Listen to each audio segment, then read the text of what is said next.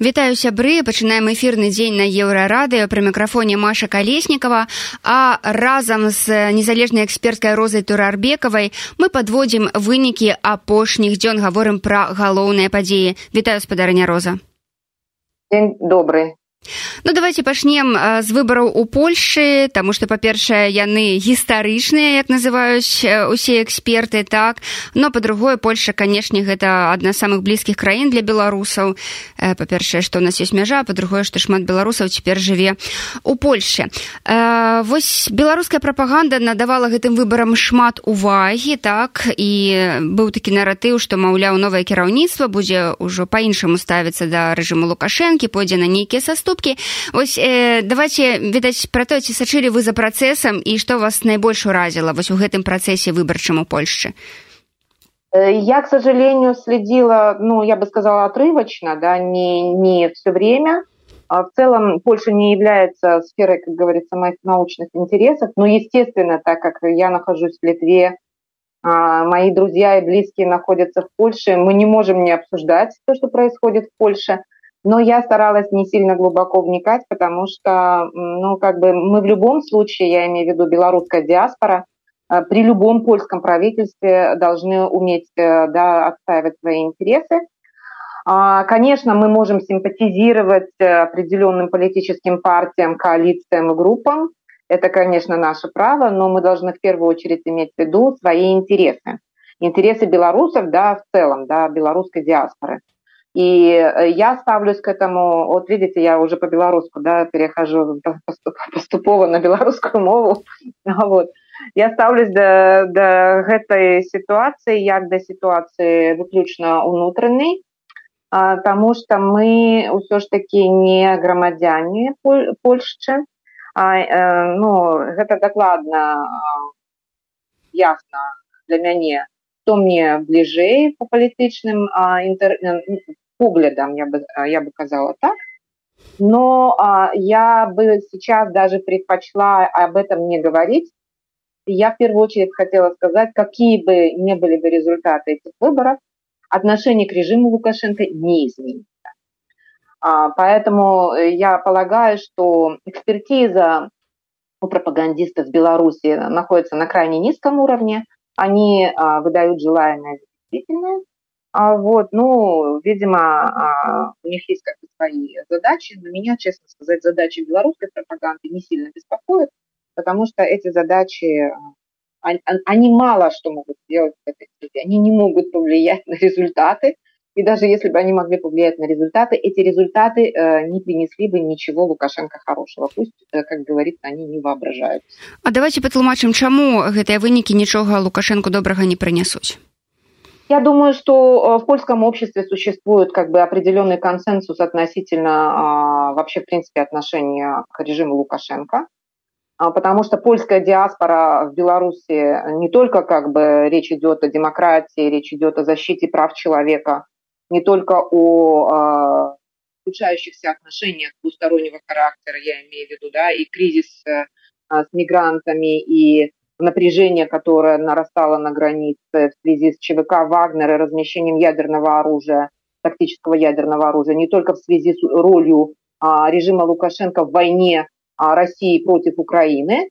Все это вместе, если сложить, а, то уже достаточно для того, чтобы а, у польского общества был абсолютный консенсус в отношении режима Лукашенко, сугубо негативный. Но помимо всего прочего, а что касается положения польского меньшинства в Беларуси, ну, оно просто находится в таком очень плачевном состоянии. Я имею в виду и, конечно, то, что закрываются польские, закрылись польские школы, и то, как преследуется католическое а, меньшинство, оно очень условное меньшинство, потому что на самом деле э, католиков в Беларуси очень много.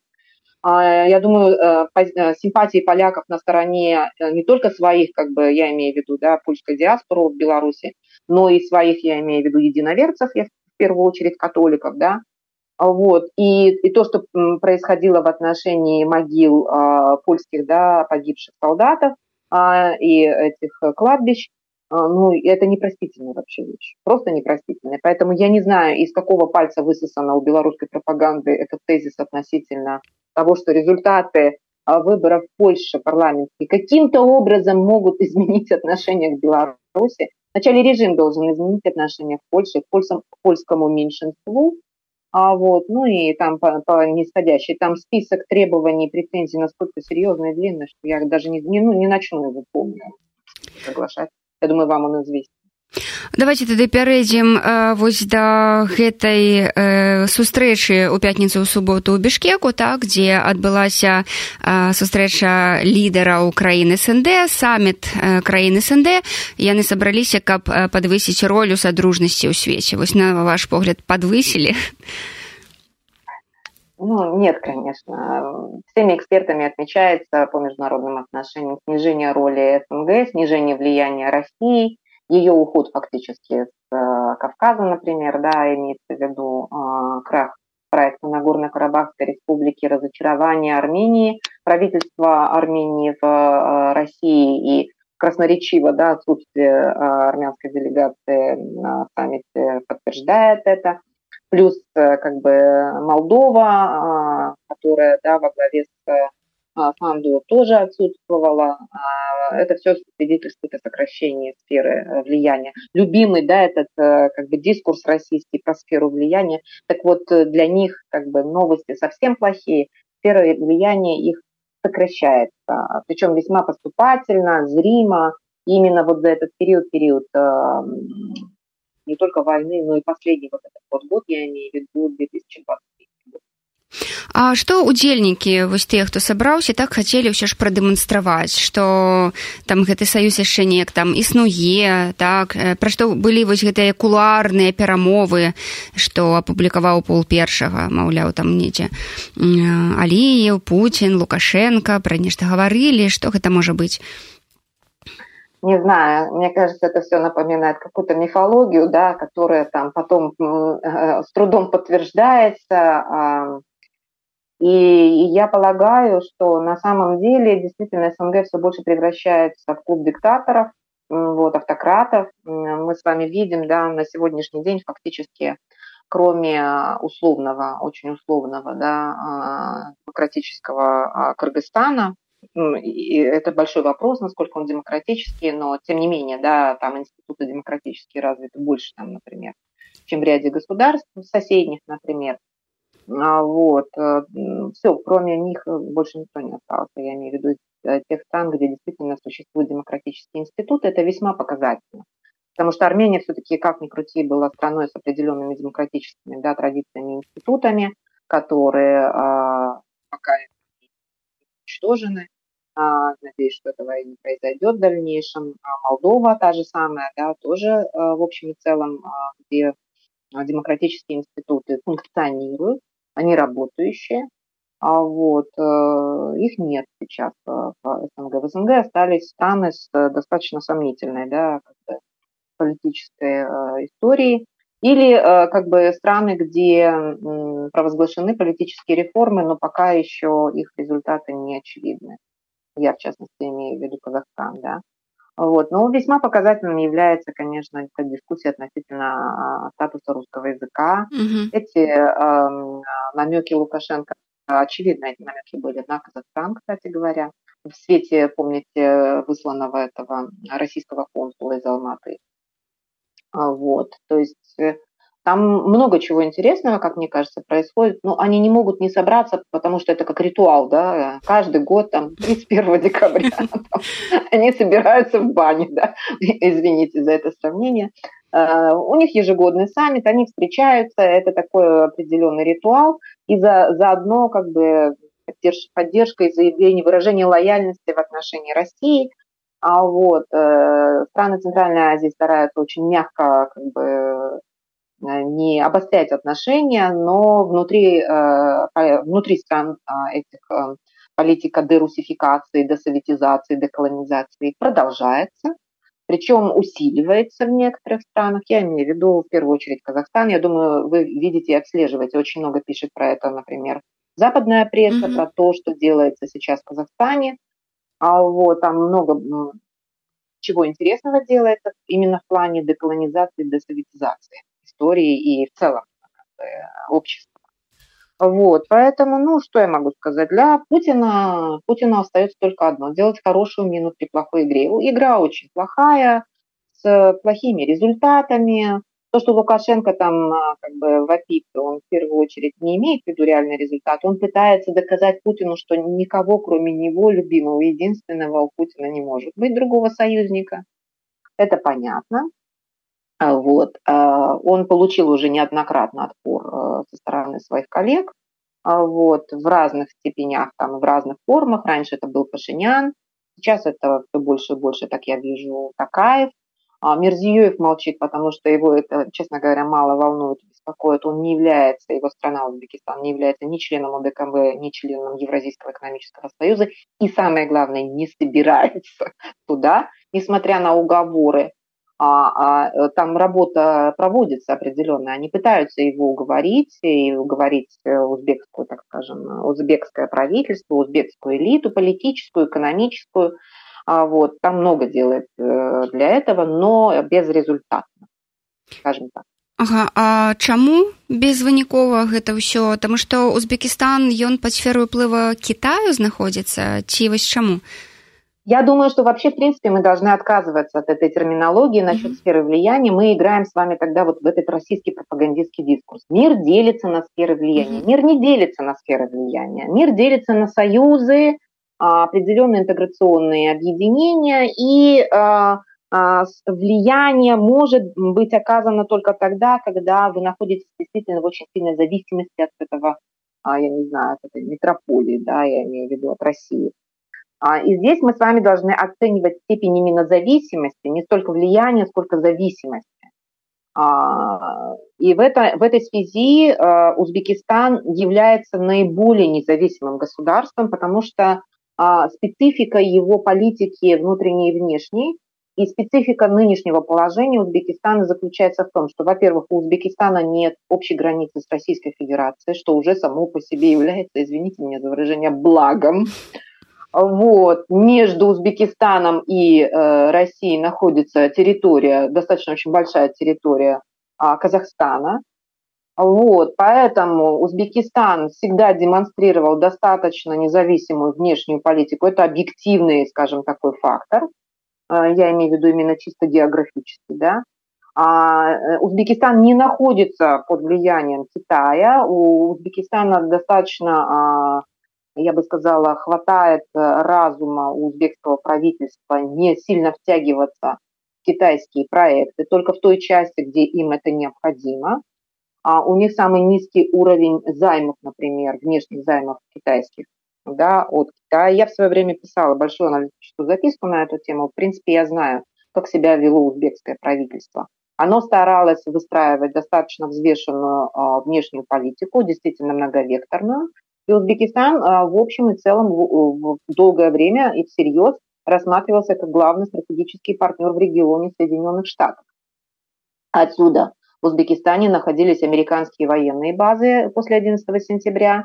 Были они выведены в 2006 году. Но потом Узбекистан сыграл очень значительную роль при выводе войск из Афганистана, в частности, э, на складах в, Афганист... в Узбекистане а, хранилось оружие американское. Часть оружия, я так понимаю, не оставили узбекам. Вот, узбеки принимали активное участие в посреднических делах между Соединенными Штатами и движением Талибан. У Узбекистана очень большое влияние на, а, не влияние, вот опять плохое, да, очень хорошие контакты с движением Талибан, с правительством mm-hmm. Талибан. А, и Афганистан в определенном смысле зависит от Узбекистана, в частности, Кабул электричеством обеспечивается именно из Узбекистана. Это большое дело, как вы понимаете, судя по сектору газа, да, тот, кто дает электричество, тот способен как включить его, так и выключить, да, при определенных обстоятельствах. Поэтому нет, ну, как бы не стоит преувеличивать значение Узбекистана, но, тем не менее, не стоит это преуменьшать. Надо знать истинное положение вещей. А вот, поэтому Узбекистан э, старается выстраивать вот этот баланс э, векторов, да, и у него это неплохо получалось, больше, э, в степени получалось, чем Казахстана, потому что Казахстан является членом и ОДКБ, и ЕАЭС, и имеет самую большую протяженную сухопутную границу с Российской Федерацией. Отсюда и как бы объективный фактор зависимости, да. Вот, поэтому, ну, в общем и целом, они со своей, я имею в виду узбеки и казахи, со своей, я не люблю это, конечно, это очень такой ориенталистский э, дискурс, но я скажу, со своей этой хитростью, да, там, э, умением как бы совмещать несовместимое, они, э, конечно, Путину улыбаются и говорят, что он там такой секой хороший белый царь, а, вот, а сами как бы реализуют свои интересы. И вы видите, что происходит сейчас и с русским языком, и с выстраиванием внешних отношений, и с э, санкциями. Все-таки э, Узбекистан и Казахстан согласны с Европейским Союзом, что они должны работать над тем, чтобы больше не принимать участие в обходе санкций. Но это долгая песня. Но тем не менее, они э, дрейфуют, очень медленно дрейфуют от России в другом направлении. А вот Китай, конечно, позиция Китая сильно набирает обороты последние э, буквально два года. И вот то, что Китай сейчас реализует инициативу C5 э, плюс 1, то есть это Центральная Азия 5 государств плюс Китай, вот у них там в Сиане был, была большая встреча, большие проекты. Китаю есть что предложить, а главное, от Китая нет никаких неприятностей, понимаете? Ни войны, ни санкций, ни, ни угроз, да, вот. И китайский язык, как бы, они не требуют прямо, чтобы китайский язык знали все в Центральной Азии, а, вот. Нет у них претензий, все хорошо, все очень так, на большом позитиве они двигаются вперед. Поэтому объективно, да, возрастает значение Китая, но я бы не стала преувеличивать его тоже влияние. Пока. Еще по крайней мере на Узбекистан. Я нагадаю сябры Роза Турарбекова, сённяшняя гостья жывога эфіру еўрарадыо задавайце пытанні спадарня роза вось днямі Ільхам Аліяў узняў сцяг Азербайджана у Степанакерсе так у былой скажем сталіцы нагорнага карабаху. Ці азначае гэта што кропка у армянска-азербайджанскім канфлікце пастаўленая Я так не думаю. Я на предыдущем, по-моему, или э, ну, на предыдущих эфирах, а, когда мы обсуждали вот эту ситуацию с Нагорным Карабахом, я говорила о том, что у меня есть э, такое подозрение, что Азербайджан на этом не остановится. И видите, Блинкин меня вряд ли слушает, но он подтверждает как бы мое опасение. Я думаю, ну, это объективное опасение, оно видно не только там мне и господину Блинкину, государственному секретарю США, но я думаю, что это достаточно объективная вещь.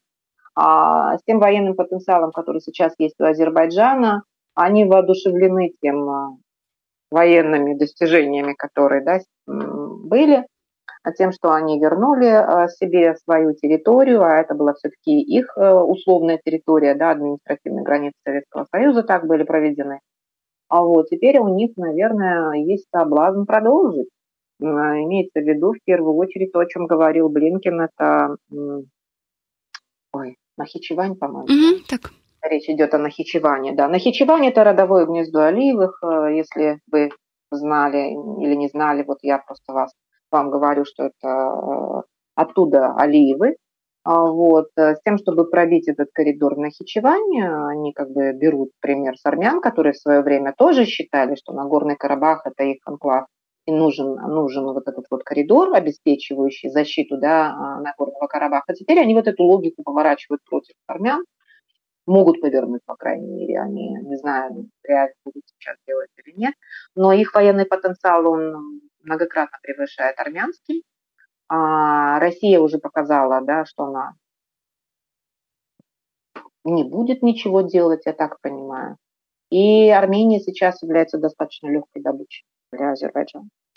А наколькі верагодна, што ўсё ж Арменія э, цяпер павыходзіць з усіх гэтых саюзаў, я маю на ўвазе АДКБ, ЕАС, так і рушыць ўсё ж у бок э, Еўросаюза.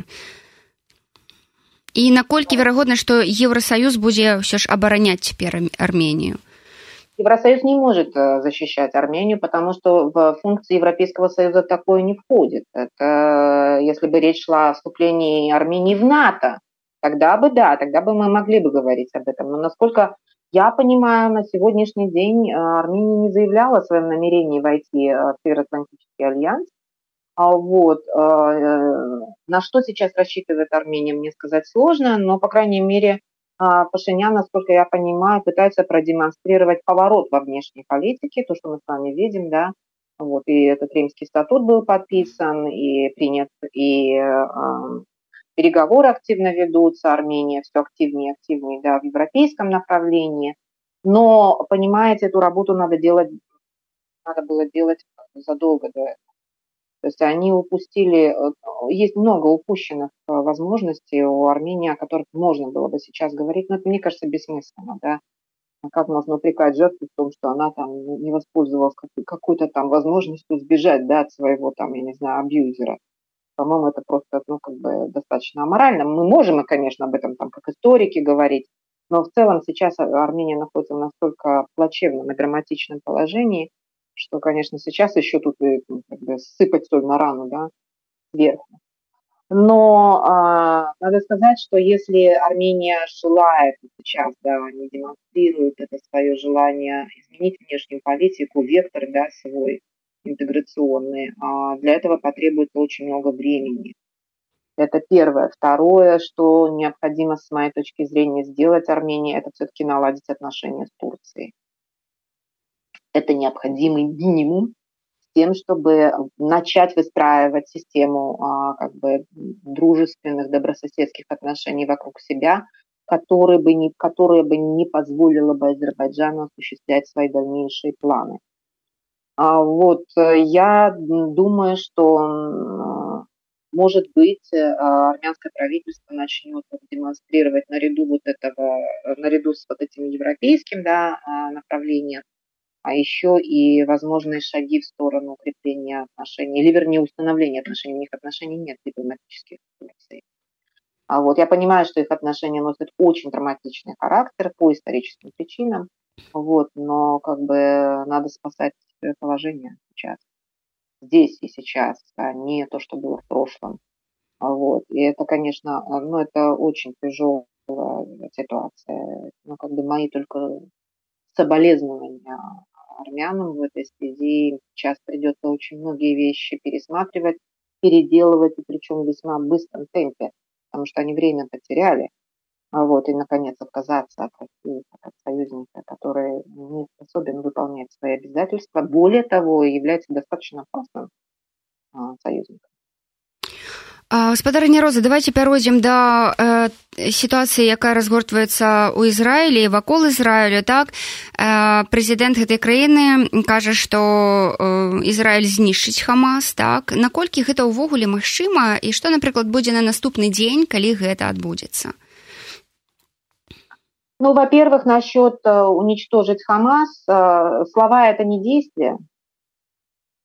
Говорить можно все, что угодно. Я напомню еще раз, э, это уже, наверное, мой третий эфир, когда я напоминаю об этом, что в свое время Соединенные Штаты заявили о желании, вернее, о стремлении об уничтожении да, Аль-Каиды и движения Талибан. Ну и результаты. Аль-Каиды, конечно, ну, она есть, кстати говоря, она еще действует, но она уже не настолько как бы на слуху. А вот, ей там на смену пришло, Аркадий потом на смену пришел ИГИЛ, а вот, а движение Талибан живет и процветает, извините. Они вернули Афганистан себе. Ну, это к вопросу о том, что, конечно, заявлять можно что угодно, но результаты, как бы надо быть э, более а, трезвомыслящим. Даже если уничтожить группировку с этим как это, названием Хамас, это не означает, что те силы, которые стояли за Хамас, они а, будут уничтожены. Нет. Вот в чем дело. А, ці можна лічыць, што вынікам гэтай вайны стане пашырэнне Ізраілю? Ізраіль, канешне, заяўляе, што ў іх няма э, такой, такой мэты акупаваць газу, так? Вось, але ўсё ж ці можа такое отбыться? Не знаю, мне очень сложно, конечно, сказать, потому что для этого надо находиться там. Желание, конечно, отомстить э, за ту резню, которую устроил Хамас, да, и то нападение, которое устроил Хамас, желание, конечно, велико. А, не думаю, чтобы это желание диктовало э, здравомыслящий как бы, план.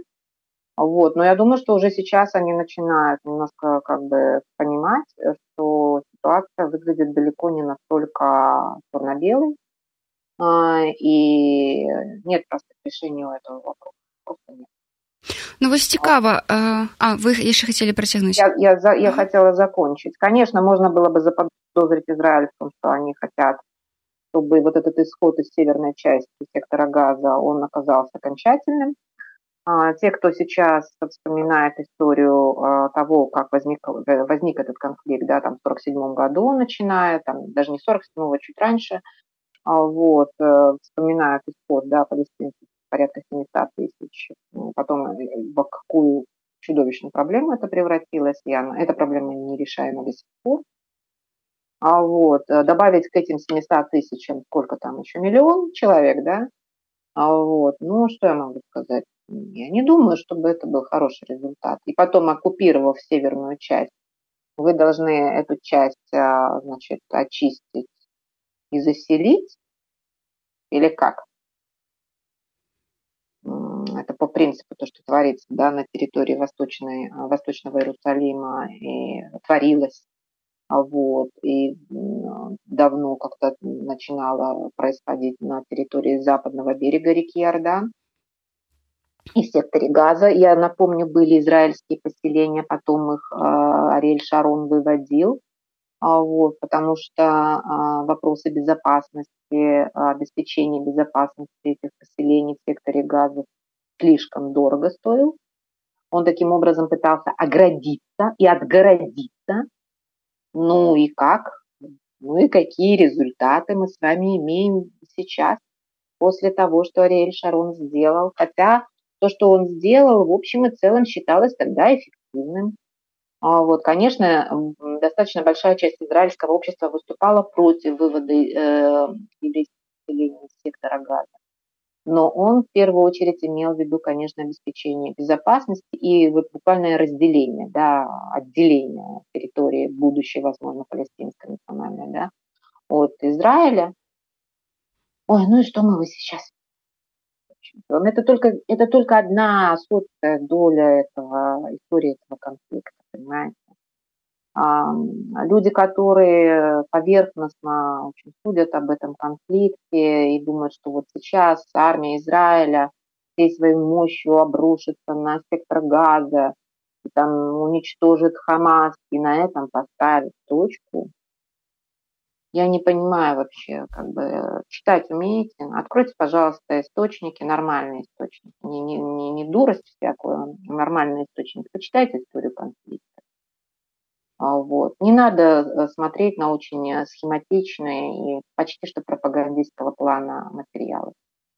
Займитесь глубоко изучением этого конфликта, а потом уже начинайте говорить. Вот э, к чему я призываю, к просвещению потому что там все очень как бы, сложно, крайне сложно. Здесь нет простых путей. Но это не значит, что он неразрешимый конфликт. А, у нас пытанне ёсць як вы лічыце падтрымка палесцінцаў у Еўропе аб чым кажа а, а палестинцев э, это одно, Хамас это другое. Я все равно настаиваю на этом. Значит, э, что касается поддержки палестинцев и почему именно в Европе, ну, кстати говоря, не только в Европе, но и да, в Европе большая часть, потому что в свое время, когда а, начался вот этот вот знаменитый ближневосточный а, процесс урегулирования, а у этого процесса есть четыре коспонсора. Четыре коспонсора – это бывший Советский Союз, потом была правоприемница Российской Федерации, но она фактически устранилась от этого. Соединенные Штаты, естественно, Европейский Союз и Организация Объединенных Наций. Вот четыре спонсора, так называемый ближневосточный квартет, вот, в котором у каждого актора была своя определенная роль. Так вот, у Европейского Союза была роль э, актора, который финансирует э, реформы и установление гражданской инфраструктуры в палестинской национальной э, администрации. И туда Европейским Союзом было вложено очень много средств и много сил тем, чтобы помочь а, палестинской национальной а, администрации встать на ноги и как бы выстроить вот ту инфраструктуру, с которой начинается, собственно говоря, управление да, в будущем государстве.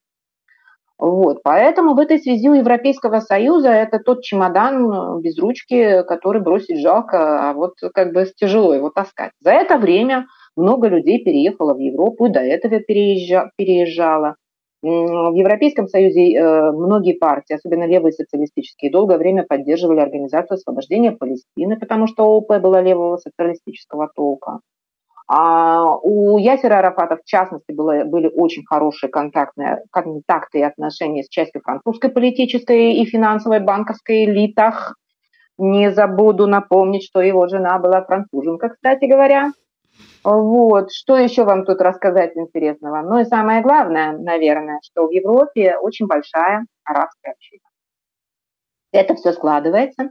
И понятное дело, когда встает вопрос о том, почему в Европе, в Европе так, такие большие массовые демонстрации в поддержке Палестины, ну, мне кажется, это совершенно очевидным. В одной Франции только 5 миллионов арабов проживает.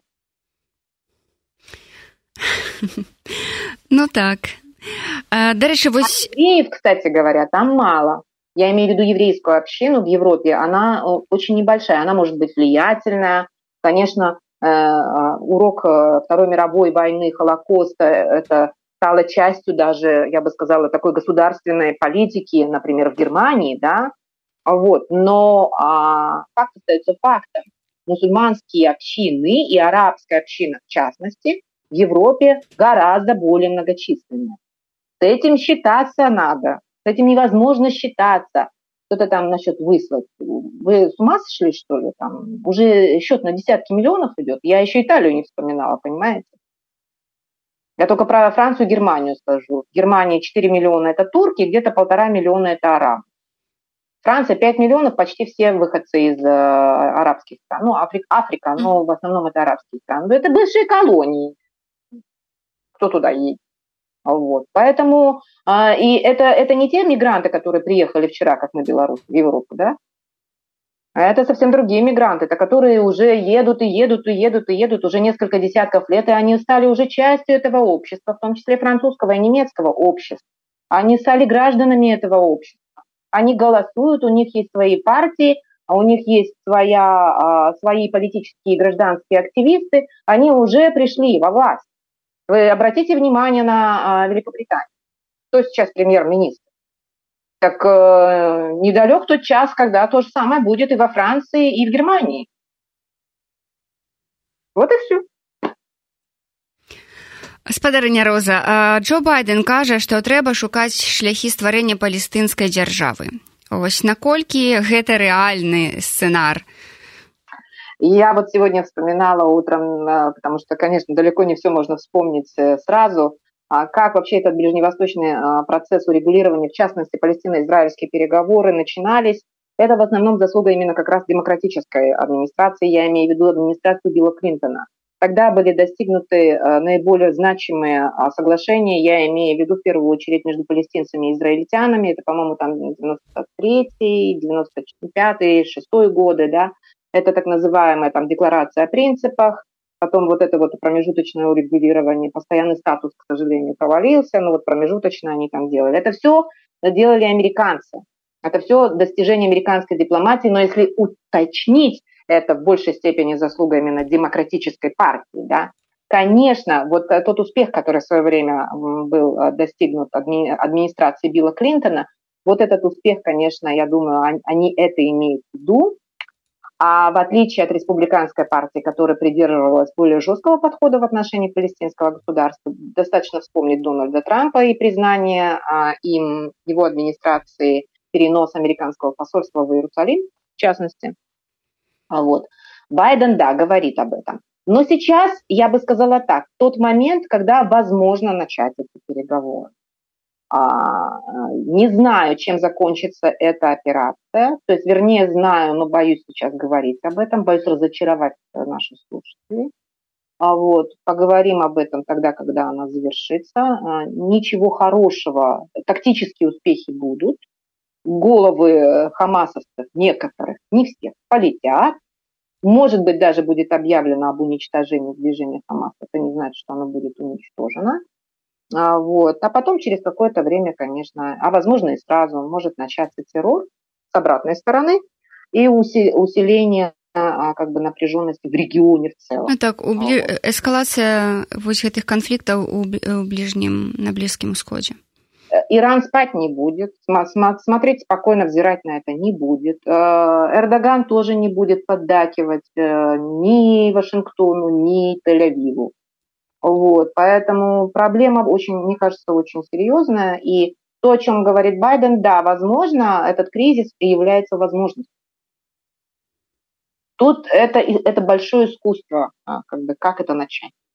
И нужны, нужно найти таких лидеров, которые бы смогли скрутить обе стороны, то есть с другой стороны, как это произошло тогда, в 90-е годы. Я имею в виду Ясера Арафата и Шимона Переса, как вы знаете, потом ставшие лауреатами а, премии мира, Нобелевской да, премии мира. Но они далеко были оба не ангелы, если вспомнить. Но а, достижение есть достижение. Это было достижение. Вот, возможно, а, возобновление этого переговорного процесса. А, в Израиле будет очень немало противников этого, включая нынешнее правительство. Ну, я этому правительству, честно говоря, тоже не даю слишком много шансов удержаться у потому что ответственность они должны они должны взять на себя ответственность. Хотя в последнее время, к сожалению, политические элиты ведут себя очень неблагородно и безответственно. Не только в Израиле, надо сказать. Ну и, например, в Эстонии. Я про премьер-министра. Ну так. спадарня роза а чаму менавіта цяпер вось як вы лічыце у беларусі ляціць віцэ-прэзідэнт ірану махамед махбер вось менавіта праз гэта лукашенко ніяк не каментуе сітуацыю ў ізраілю і маўчыць як вы лічыце? Нет я думаю что дело не в этом а дело э, в другом. Мне кажется что в свое время лукашенко очень сильно обжегся когда допустил вот эти антисемитские высказывания. Это была достаточно давняя история. И я не знаю уже, еще раз повторюсь, я уже не знаю, что-то там ему э, передавали, какую весточку из Тель-Авива или еще откуда. А, вот, но он свою ситуацию только усугубит э, с точки зрения международной, да, потому что еврейскими а, общинами а, в любом формате, виде, да, а не, то, чтобы ну, как бы портить отношения нельзя, это мавитон, да, вот что касается там, Холокоста, антисемитизма э, и так далее и тому подобное. Если вы хотите себе окончательно испортить э, репутацию, да, то, ну, давайте вперед двигайтесь. Вот. Видимо, Лукашенко как-то вот у них что-то еще осталось, да, там сдерживающие какие-то факторы остались. Мне кажется, что дело в этом. Но при всем при этом а, совершенно, я думаю, очевидно, Відавочна, што не пачулі мы. А, э, совершенно очевидно, на чьей стороне он находится. Угу. Так, а ці можна казаць, што вось гэты візіт паставіць кропку ўжо ў израильско-белорусских адносінах? Не, не думаю. Я думаю, что израильское правительство, оно очень много заявляет, э, как бы, а потом э, это быстренько назад отматывает. А вот, ну, белорусские же военные не будут принимать участие в боях на стороне, не знаю, Ирана и Хизбаллы, навряд ли, да. Вот. Если будет там обнаружено какое-то белорусское оружие, да навряд ли, Иран сам производит это оружие. Я думаю, что касается визита этого вице-президента, ну, этот визит, я думаю, был запланирован, но он касается белорусско-иранских отношений, и, возможно, он касается вопросов, связанных с оружием а, для России против Украины. Там, я не знаю, может быть такая история. Но я хочу сказать, что отношения между Беларусью и Ираном находятся на столь низком а, уровне с точки зрения экономического да, развития и только с точки зрения вообще, в принципе, кооперации, да, что все их планы, они потом с большим треском проваливались.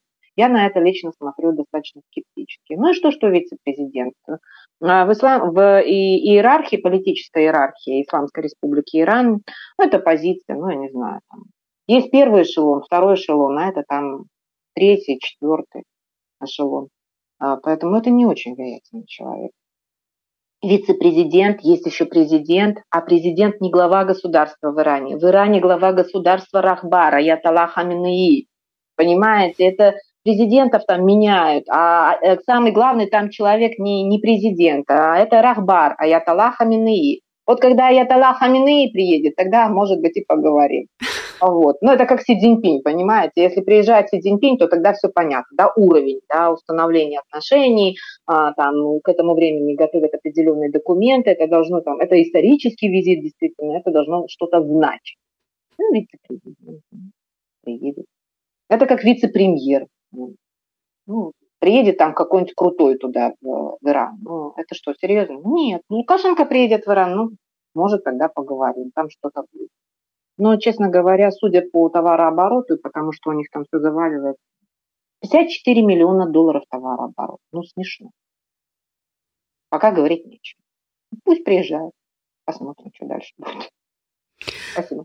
Спадарня роза давайте відаць ужо да апошняй такой тэмы. Унутры беларускай Мачыма вы бачылі што цяпер вось на ўзроўні ўладаў ідзе такая пастаянная рыторыка пра тое што будзем ствараць благополучную счаслівую среду для многосемей многодетных семей вось гэтая ўся наратыў пра тое что давайте нараджаць беларусаў які пастаянна гучыць ад качанавай так? Ш, вось чаму яны так раптам усхапіліся? Ну ўжо ж тры гады як беларусы з'язджаюць з краіны. Натуральна што не хапае э, вось працоўных рук але ці дапаможа вось новая нейкая ідэалогія так? Тут яны вось вы вылучылі сем крокаў да стварэння вось такой э, да такога асяроддзя так? Гэта напрыклад э, падрыхтоўка моладзі да шлюбу і сямейнага жыцця.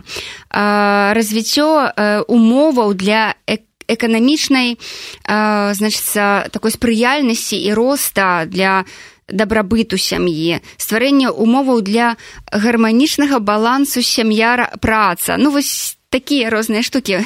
Вось што адбываецца як вы лічыце? Ну, во-первых выборы. Вот Качанова, она выполняет роль вот этого амортизатора, да, и предлагает на, там, а, наряду с этими репрессиями и вот этим ужасом, который постоянно развивается в Беларуси, ужесточением законодательства а, и так далее и тому подобное, она амортизатор, да, она амортизирует вот эту жесткую да, машину и говорит о социальной повестке. Вот что это такое. Но преподносится это, конечно, э, там, коряво, без знания вообще делай вопросы, без обсуждения это с молодежью, молодежь бы вот, ну, спросили бы у них хотя бы, да, прежде чем им что-то предлагать, что вообще вам надо, ребят. Вот. А молодежь бы им ответила. На первом месте образование, да, свободное передвижение, потом уже все остальное. Вот. И, и рынок труда нормальный. Да, это не рынок труда, то, что сейчас в Беларуси. Это крепостное право. А вот. Но надо изобразить. Вот изображают. Это социальная повестка. Да? А, вот, позитивная, так называемая позитивная повестка. Это первое, ну это и к выборам, да, конечно, приуроченное. Второе, это, конечно, отражение тех патриархальных, да, взглядов и образов, которые царят в головах у вот этих вот товарищей, да. При этом, как бы, Качанова совершенно искренне воспроизводит свой патриархальный, да, идеал, вот, и он очень такой удобный, вот есть батька, да, ну, понятно, кто батька, да, вот, а она, видимо, мать, я так понимаю, на. Ну. Вот, ну да, вот это вот все, и что вот они заботятся, и вот они заботятся, чтобы в Беларуси семейные ценности, там, а, там демографию поправить и так далее. Ну, словами тут ничего не поправишь, понимаете, а, как бы невозможно повлиять на эту ситуацию словами. А вот, да и деньгами не всегда получается. Вот. Ну, вот, ну да, изобразить надо. Вот пока это вот такие функции. Вы знаете, я за всем за этим еще вижу и очень серьезные возможности э, негативные э, последствия. Вот, как бы до них там, ну, я не стану это вслух здесь произносить, я боюсь этого говорить, потому что потом подхватят эту идею и точно реализуют. Но вот эта вот попытка влиять на рождаемость, это, конечно, уже э, как бы близко к каким-то таким тоталитарным практикам, которые очень и очень опасны.